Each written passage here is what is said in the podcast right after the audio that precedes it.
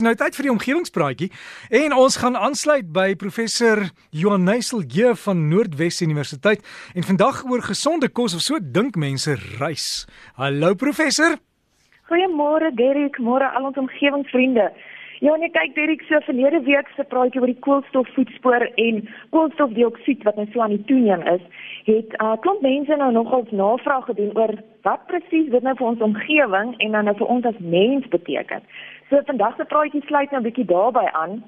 Maar um, om die mense se vrae te antwoord so in in die algemeen, die gevaar lê vir ons daarin dat ons nog nie met 100% met sekerheid kan sê wat hierdie gevolge is van hierdie verhoogde CO2 emissies in al sy fasette nie. So een van dit is dat dit 'n impak op ons voedsel kan hê. Maar ehm um, as ons van CO2 praat, dan dink mense outomaties aan die klimaatsverandering en die toename in temperature wat dan nou veral ook vir ons landbousektor groot implikasies kan inhou, soos met die gepaardgaande veranderende reënvalpatrone. Maar daar is ook ander gevolge van hierdie hoër CO2 vlakke. En dit byvoorbeeld die opname daarvan in die oseaan. So volgens die chemikus Ernst Brunke laat hierdie toename in CO2 ook die pH-waarde van die see daal. So dit beteken die see word suurder wat weer groot ekologiese gevolge inhou vir onder andere die walvisbevolking omdat hulle kommunikasie hierdeur belemmer word. Um dit hou ook natuurlik gevaar in vir die voortbestaan van die wêreld se groot koraalriwe, soos jy weet. Maar Derek om dan nou vandag se tema by aangesluit, ek lees toe in die week 'n artikel wat op 23 Mei gepubliseer is in die joernaal Science Advances. En wat 'n verdere gevolg van hierdie toename in atmosferiese CO2 vlakke toe nou bewys. So, dis 'n studie wat gekoördineer is deur die Universiteit van Washington en uitgevoer is saam met verskeie navorsers vanuit Japan en China en Australië en wat bewys het dat hoër CO2 vlakke die voedingswaarde van ons rys verminder. Nou hulle het bevind dat wanneer rys gegroei word binne hoër atmosferiese koolstofdioksied konsentrasies. So dis nou soortgelyk aan aan die wat aan die einde van hierdie eeu verwag word sal daar laer vlakke van sink en proteïen en yster in die rys teenwoordig wees. En hulle het ook gesien dat hierdie hoër koolstofdioksied vlakke die hoeveelheid Vitamiene B1, B2, B5 en B9 verminder met tussen 8 en 17%.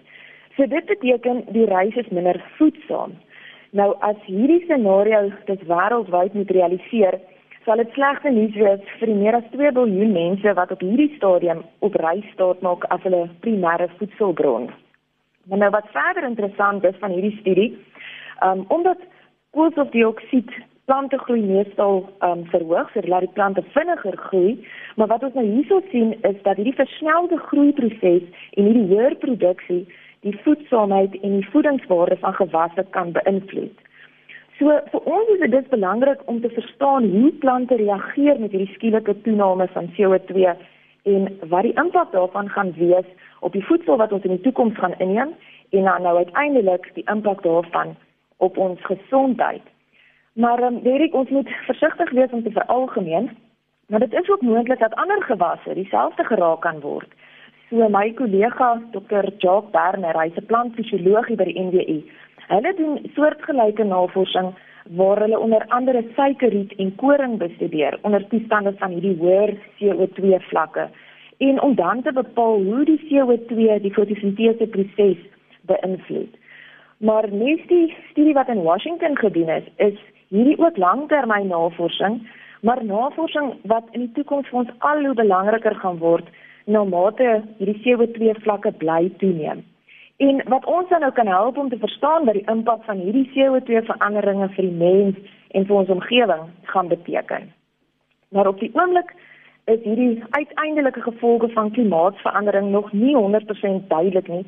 En um soos Ernst Brunke sê, die die hele CO2 en klimaatsveranderingsproses is op hierdie oomblik 'n gevaarlike eksperiment waarmee die mensdom besig is.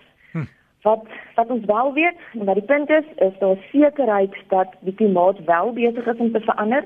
As gevolg van veranderinge in die son wat natuurlik die aarde se grootste energiebron is, sowel as ander uh, natuurlike prosesse, maar ook as gevolg van die mense invloed.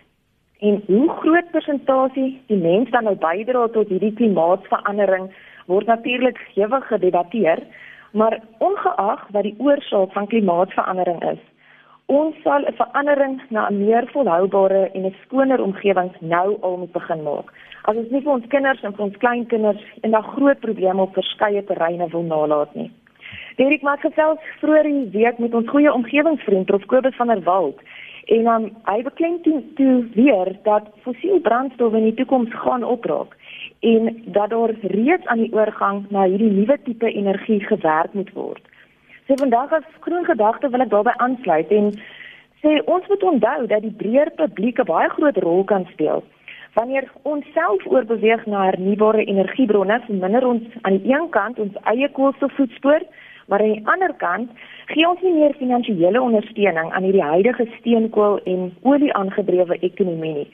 En op die lang termyn gaan dit waarskynlik impliseer dat hierdie ekonomie dan nie meer winsgewend gaan wees nie en ons stede en ons dorpe genoodsaak sal wees om ook alternatiewe energieopsies te implementeer. So wat ons glo dan vir ons 'n meer volhoubare toekoms sal beteken. Ah, sê en ek weet van ons steenkoolmyne is klaar besig om te kyk na die toekoms met groen energie en ook onthou om rys nie te vries nie, daar's sekere bakterieë wat daarop groei wat 'n mens kan beskadig. Hulle sê jy moet dit goed warm maak as jy dit warm maak.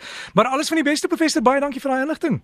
Baie dankie Derrick, ek hoop julle het 'n goeie dag verder. Selfde daai kan dan professor Johan Heiselje van Noordwes Universiteit en die e-posadres is omgewingspraatjies by gmail.com en ook op Facebook omgewingspraatjies. Soek net daar en jy sal al die inligting daar sien.